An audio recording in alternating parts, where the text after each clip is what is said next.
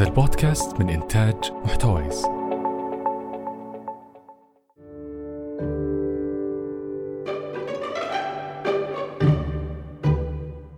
أهلا بكم مستمعينا في حلقة جديدة من بودكاست اقلب الصفحة. تعتبر العلاقات الإنسانية وخاصة الزواج من أهم عوامل سعادة الإنسان وجودة حياته. وجميع العلاقات مهما كانت قوية وطويلة تمر بمراحل مختلفة وأزمات. وأحيانا حسب الأشخاص ممكن تتعقد العلاقة فيصعب الحفاظ عليها ونضطر إلى إنهائها. ما تتمنوا لو اكتشف أحد أسرار الطريقة المثالية للتعامل مع شريكك لزيادة فرص نجاح علاقتكم الزوجية؟ أبشركم. ترى هذا الشخص موجود وهو دكتور جون جوتمان آه قضى هو وزوجته روبرت ليفنسون عشرات السنين في البحث عن المعادلة السحرية للعلاقات الزوجية. وتوصلوا لها في النهاية وبدأوا في تطبيقها على الأزواج ودراسة نتائجها. في حلقتنا اليوم حنتكلم أكثر أنا وغزل عن هذا الموضوع. غزل كيف حالك؟ الحمد لله كيفك بسمة طيب أنا مرة متحمسة على الموضوع اليوم. وأنا كمان صراحة وأنا يعني معجبة بأعمال دكتور جوتمان. أعتقد أنه مرة مهم يعني في ال- لرفع الوعي. لأنه ككل يعني صار لنا فترة غزل اظن أنا وانت وكثير يعني مجتمعنا اللي حصر فيه وعي أكثر بدكتور جوتمان وشغله. وهو طبعا ركز على العلاقات الزوجية وعملوا كتب وعملوا blog اللي هو تدوينه وعملوا حتى games ألعاب. فحنحط إن شاء الله الموقع حقهم للمستمعين عشان يشوفوا الأعمال كاملة. آه بس الموضوع اللي حنتكلم عنه اليوم شوية يمكن يمس العلاقات الزوجية بشكل عام حتى مو بس الزوجية واللي هي ممكن تأثر أو هي بتسبب الطلاق مو صح؟ زي ما اكتشف دكتور جوتمان؟ أيوه اكتشف دكتور جوتمان بطريقة مثيرة صريح- صراحة. أحكي لكم عن التجربة. حكينا. آه، عمل مختبر اللي هو عنوان حلقتنا اليوم مختبر الحب. المختبر ده عبارة عن شقة آه، استضاف فيها عدد كبير من الأزواج لا أذكر العدد ولكنه يتعدى المئات آه، من الأزواج. عاشوا فيها. وكانت الغرف الشقة هذه مزودة بكاميرات وهم كأشخاص مزودين بحساسات أو يعني indicators تقيس مثلا ضربات معدل يعني ضربات القلب تجربة علمية. توتر مم. تجربة علمية بحتة بس على أشخاص أحياء وعلى أزواج وطبعا درس هو والفريق اللي معاه سلوكيات الأزواج والأنماط اللي بتطلع معاه وبعد فترة طويلة من الزمن وبعد تحليل هذه النتائج والمشاهدات طلع ب مو معادلة ولكن أربع سلوكيات تهدد ال- العلاقة الزوجية. وتصل دقة الافتراضات اللي هو حطها إلى تقريبا 85% وفي حالة التوتر العالي إذا كان في conflict مرة عالي بين الأزواج فهو بمعدل 91% wow. صراحة اكتشاف رهيب. آه وبعدين لما أنا قرأت عن ال- اللي هم ال- الأربع سلوكيات هذه أو زي ما سماها دكتور جوتمان ال Four Horsemen حسيت إنه حقيقي. يعني لما قعدت أتذكر وأسترجع أحداث لقيت إنه من جد كل مرة كان يظهر هذا السلوك كان بعدها بيؤدي لمشكلة كبيرة وبيصير فيه مشاعر سلبية عند أحد الطرفين وبتتجمع وتصير مرة على مرة على آم، وبيكون مرة صعب التخلي عنها بعدين أيوة ف... فأعتقد عشان كده مرة ضروري إن إحنا نكون واعيين فيها هو ضروري نكون واعيين فيها وفي نفس الوقت لا نقعد آه، نتفلسف ونحلل علاقتنا ونقول آه لا إحنا حن حن حننتهي بالطلاق ترى مش المو مش الموضوع بإنه آه نقعد نحلل علاقاتنا ونقول مين حيتطلق ومين ما يتطلق بس. صح. أهم شيء الوعي إنه عشان نعرف إنه هنا لا في شيء لازم نشتغل عليه. في خطر محدق بال- بالعلاقة. نحتاج إنه نوقف آه، نعالجه نطلب مساعدة. فهو بس الموضوع كله إنه نرفع الوعي. صحيح. مو دعوة إلى يلا نحلل علاقاتنا و... و... ونقول مين حيستمر ومين ما حيستمر. والفكرة كمان إنه يكون في رصيد في العلاقة. إحنا دائما نسميه ال emotional bank account أو الرصيد العاطفي مرة حلو. في العلاقة مم. الزوجية. لما يكون من الطرفين يسوي أشياء حلوة أو أشياء إيجابية للشخص وفي نفس الوقت حيسوي أشياء سلبية لأن إحنا كلنا بشر. بالضبط. فأهم شيء الأشياء الإيجابية تكون أكثر من السلبية عشان هي اللي حتعزز العلاقة وهي اللي حتخليها تستمر في ظل وجود أي ظروف أو تحديات. وننبه كمان إنه هذه السلوكيات ترى موجودة يعني بنسب يعني يعني في بعض ال- الزيجات الصحية كلنا- موجودة. كلنا مو, بنمارسها مو طالما أنا وجدت في نوع من مثلا انتقاد أو أنا أنقد دائما معناته أنا عندي خطر إنه يعني علاقتي ممكن تؤدي آه، لا مش آه، بس هي تكرارها المتزايد. لدرجة كبيرة وبدون محاولة إيقافها هو هذا اللي بيهدد الطلاق الزواج. طيب غزل تحكينا إيش هي السلوكيات الأربعة؟ طيب أول حاجة أول سلوك آه، طبعا هي سلوكيات كلها لها علاقة بال communication بالتواصل. okay. لأنه ما حندخل في السلوكيات ال- ال- الأخرى اللي بتؤدي للطلاق. هذه السلوكيات خاصة بالتواصل. أول سلوك اللي هو الانتقاد أو اللوم. بيقول دكتور جوتمان إنه الانتقاد يغذي الهجوم على العلاقة. صحيح. وفي الأغلب بيكون الانتقاد ده للشخص نفسه وليس للسلوك فبياخدها بطريقة شخصية. يعني بطريقة اللوم مثلا إنه أنت غير مهتم. دائما تتأخر. أنت ك... أيوه. فتلاقي حتى لغة الخطاب دائما بصيغة أنت أنت أنت. ما تفهمي شيء ما تعرفي دائما تحرق الطبخة. ما...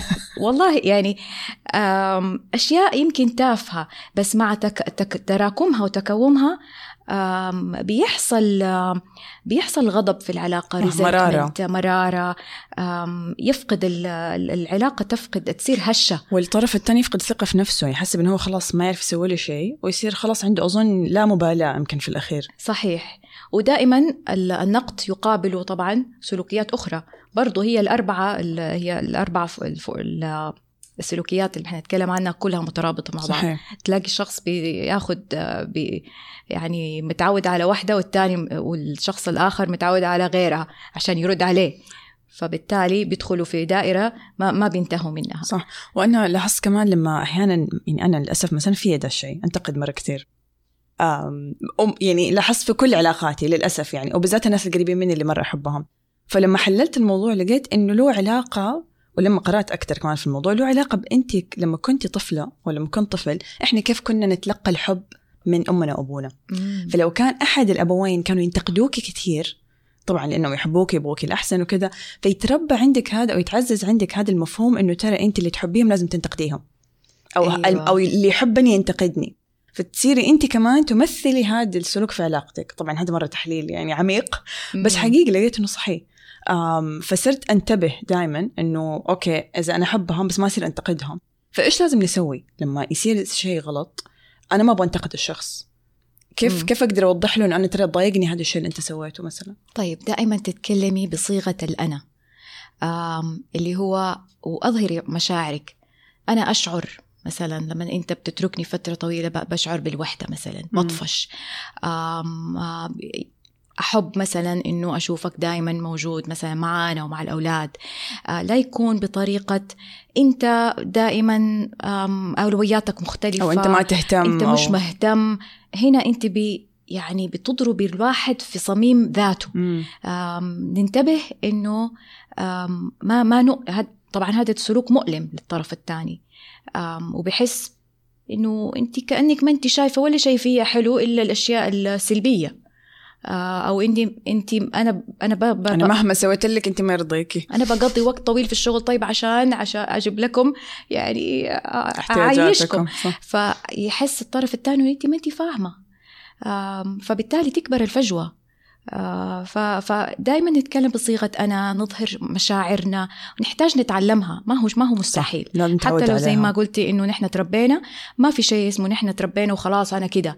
آم، نحن نقدر نكون واعيين بتصرفاتنا ونقدر نغيرها إذا نحن أردنا هذا الشيء. اذا الفكرة إنه إحنا ننتقد السلوك وليس الشخص. بالضبط. أوكي. طيب والسلوك الثاني السلبي؟ طيب السلوك الثاني آه، وهو يعتبر من آه، من أكبر المؤشرات والأقوى على الإطلاق آه، لحدوث الطلاق آه، اللي هو الازدراء أو التريقة.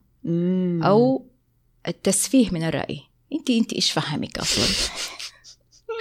فهذا هذا السلوك من أكبر المؤشرات آه، دكتور جوتمان بيقول وينبع عن عدم احترام صح هذا يحطم العلاقة. وينبع عن فوقية وتكبر.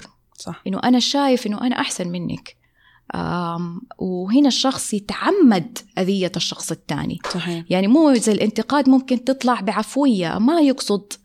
بس هو زي ما قلتي ممكن تربى على كده تعود على كده. بس لا الإزدراء ينبع من إنه الشخص عنده شوية أنا زايدة عن اللزوم. صحيح. شايف نفسه أكبر أحسن وأسوأ منك شيء لما يحصل منك. لما يحصل قدام الناس. يعني مرة أحس هذا أسوأ سيء كمان جدا جدا يعني مدمر لشخصية الطرف الثاني مدمر لثقته بنفسه آم، السبب إنه هو خطير ليه؟ لأنه بيهدم قاعدة الاحترام صح. الز- الزواج يبنى على قاعدة جو- قوية من الاحترام وانس إنه الاحترام ده ما في فيبدأ الواحد يتساءل إيش فايدة العلاقة دي؟ يضعف الأساس فهو الشخص الثاني فهو عنده حل أحد حلين. يا إنه يجلس في العلاقة دي اللي طول الوقت ياخذ على راسه وطول الوقت يجلس فيها ويتقبل الوضع وبالتالي ثقته بنفسه تكون أدنى مستوى. وهذا نوع من العنف على فكرة. صحيح العنف العاطفي. أو إنه يكون يوقف لنفسه ويقول لا أنا كده ما أقبل. ويغادر العلاقة. فهو يا عنده حل يجلس فيها أو و- يطلب يطلب من الطرف الثاني إنه ترى هذا الشيء بيضايقني أرجوك تغيره ويعطي له ال- الاختيار الثاني اللي هو إيش الاختيار الثاني؟ إيش البديل؟ غزل عن الازدراء أو اللي هو عن التريقة هذه. إذا أحد في شخص أنا بيسمعنا وشريكه بيعملها فيه أو هو بيعملها في شريكه. طيب ومهم جدا لما الواحد يدخل علاقة تبنى هذه العلاقة على قاعدة من الاحترام. صح. إذا ما في الاحترام صعب إنك تجيبيه صعب إنك تطلبيه. يعني يعني من الطرف الثاني. إذا كان في طرف هو حاسس لا إنه فعلا أنا عندي كبر فبرضه في حل. إنه هو يشتغل على نفسه. يعرف إنه ترى يعني ال- الكبر ما حيفيدني. أنا شايف نفسي ليه؟ وزي ما قلنا أهم شيء الوعي يعني زي ما قلنا في برضو في السلوك عن السلوك الأول هنا برضو إذا أنا اكتشفت إن أنا هذا الشيء بكرره دائما في علاقاتي مع أصدقائي مع زوجتي مع أولادي دائما أحسسهم إنت إيش فهمك؟ إن- بس عشان أنا أشعر إني أنا أفضل أو أو بس إنه بشيء أنا بسويه بدون وعي يعني اوتوماتيكلي أيوة. فبس نبدأ نوقفه. يعني خلاص لما يصير في وعي أصير أنا أقول لا طب أنا هذه الجملة مع إنها هي صغيرة بس حتضر أكثر ما حتفيد. صحيح. فخلاص أمتنع عنها. صحيح. وحاول تركز كمان على الأشياء الحلوة اللي فيه في الشريك الثاني. حاول تنظر لل إيش في أشياء حلوة عنده؟ مثلا أنا ما عندي هي. إيش في أشياء مثلا أو صفات سلوكيات أنا أقدرها وتظهرها أقدر في وجوده في إيه. حياتي. إيش الإضافة اللي ح... اللي أضافها لي صحيح. فمهم جدا هذه ال... ال... الأشياء. صح. والغريب في هذا ال- ال- السلوك إنه دكتور جوتمان اكتشف إنه الأزواج اللي في علاقتهم يسود هذا ال- النمط آه، في الأغلب الشريك الثاني المتضرر آه، بيكون عرضة لل- لأمراض المناعة غريب تلاقي عندهم قرحة قولون سبحان أمراض الله. المناعة الذاتية طبعا. هذه Autoimmune. يعني أيوة مليانة يعني فدائما تلاقيهم مرضى فهذا مؤشر جدا قوي وجميل إنه كيف علاقاتنا ترى ممكن تمرضنا. صحيح صحيح. آه، لا نتهاون. آه، إذا كانت العلاقة سيئة لدرجة مرض لا معناته هنا لازم نوقف و... و... ونحللها. نحب نفسنا. نحللها نطلب مساعدة نشتغل على نفسنا نكون صريحين مع الطرف الثاني. صح.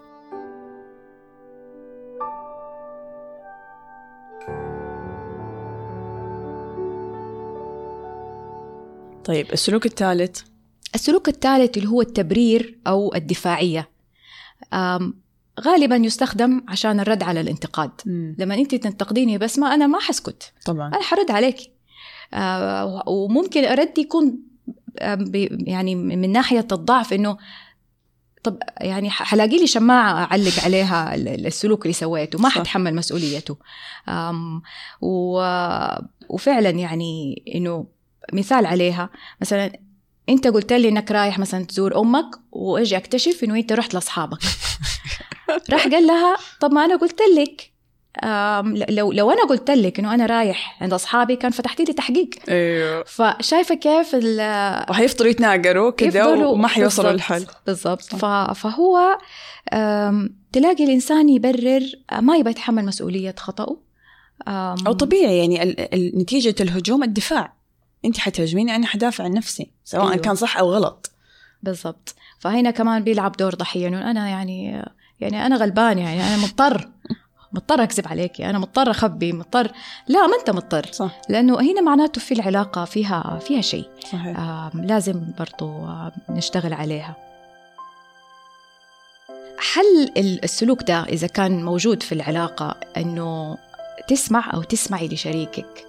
أعطيه فرصة أنه يعبر عن مشاعره. أعطي له مساحة يعني من, ال- من الأمان. أنه لا لو أنت قلت لي أنه رايح عند أصحابك ما آم، ححقق معك. إيوه لا. أو إنه أعتذر عن والله أنا اسفه ما كان ما قصدي أع- يعني أحقق أنا قلقانة. عليك عشان كذا أنا. قلقانة عليك. آه، نستخدم الاسلوب اللي هو آه، الانا المشاعر آه، إنه أنا مهتمة بيك.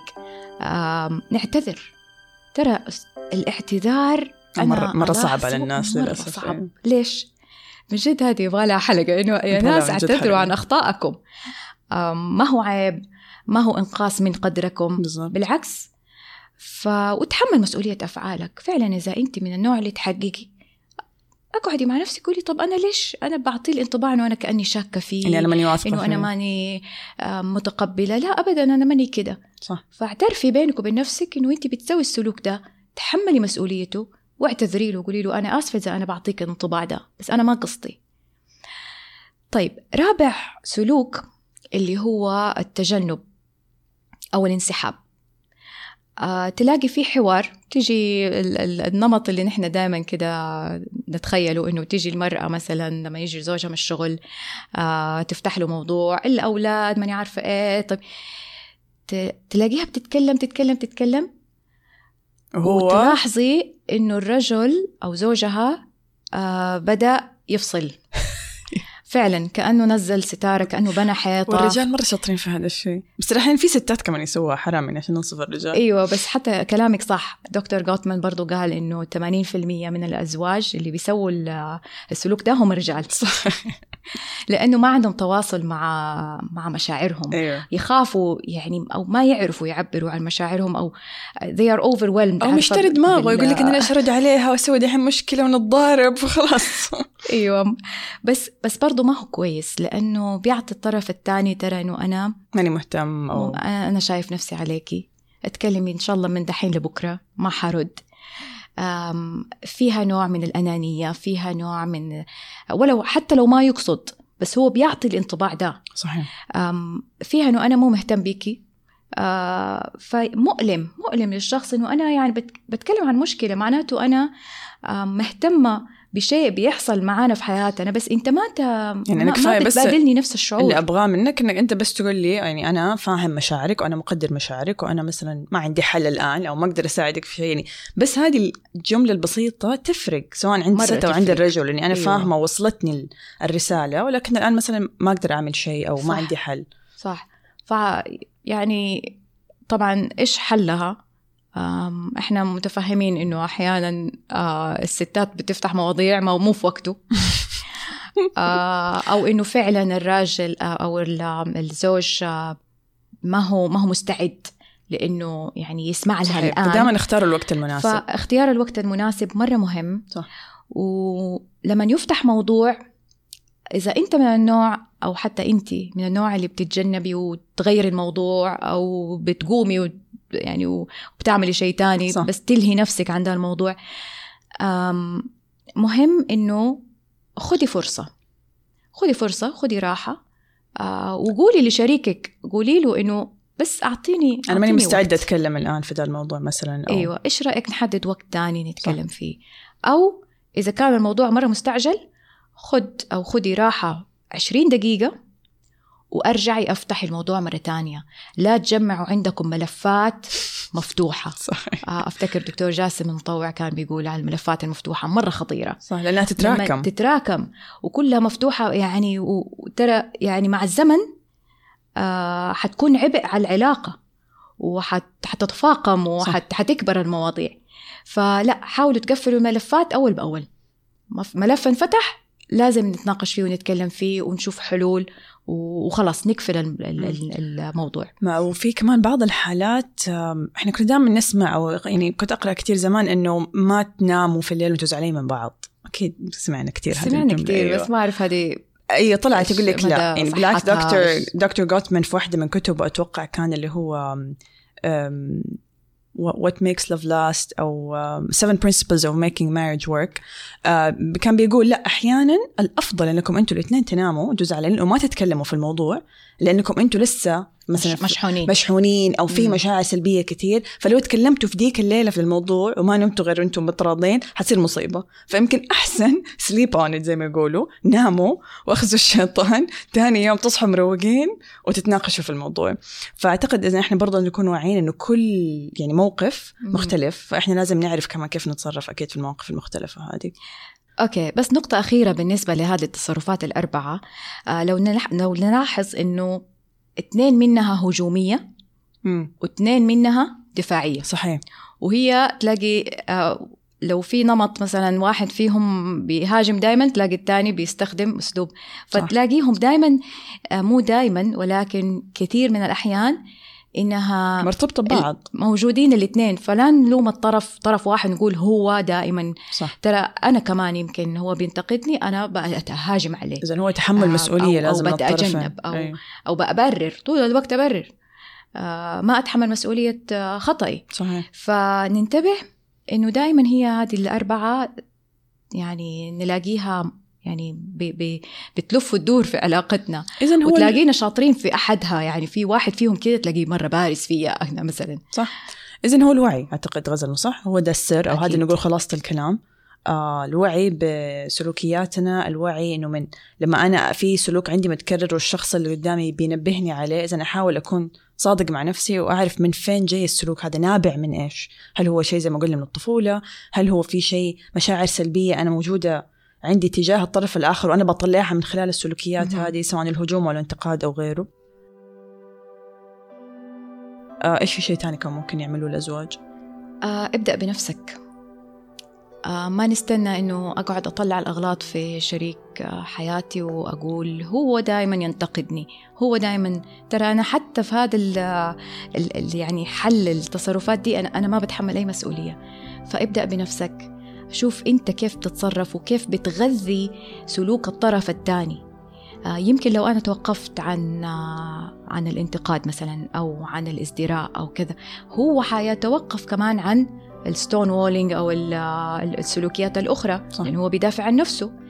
فابدأ بنفسك ولا تعملوا من من أي شيء صغير آه، مشكلة. تمام من قبه سئل الدكتور جوتمان عن إيش أكثر الأشياء اللي الأزواج يتضاربوا عليها؟ فقال ولا حاجة. فعلا ولا حاجة. كيف ولا حاجة؟ والمشاكل دي كلها؟ تلاقيهم بيتضاربوا على ريموت كنترول تلاقيهم فعلا هو مثل هذا المثال في واحد من المقاطع في اليوتيوب. آه بيقول مثلا بيكون معاه معاه هو بيقلب في التلفزيون معاه remote control وبتقول له لا يا شيخ خلاص سيب سيب ال- البرنامج ده أنا المسلسل. فانت دائما انت ماسك ال remote control في يدك انت ف basically basically أنت تحب التحكم والسيطرة. إيش المشكلة اللي بيتضاربوا عليها؟ مشكله ولا شيء ولا شيء. فخلينا واعيين. سلوكنا هو اللي بيغذي المشاكل هو اللي بيفعل وبيفاقم المشاكل اللي بيننا. فأهم حاجة الوعي ونبدأ بنفسنا. و- وزي ما قلنا في البداية إنه هذه مش دعوة إلى إننا نحلل علاقاتنا ونقول يا ترى نحن آه، بنتجه نحو الطلاق we're heading for divorce صح. ولا لا؟ ما هو هذا ال ال الهدف من من توعيتكم بهذه السلوكيات. تمام كذا وصلنا مستمعينا لنهاية حلقتنا. إن شاء الله تكونوا استمتعتوا واستفدتوا من المعلومات. حي... ممكن حنحط إن شاء الله مصادر يمكن على الجوتمان وال Four Horsemen أو السلوكيات الأربعة. وإن شاء الله حابين نعرف رأيكم طبعا في الحلقات ومشاركاتكم على ال social media على إنستغرام وتويتر وأيضا على إيميل البودكاست اقلب dot الصفحة at gmail.com كان معاكم اليوم بسمة وغزل.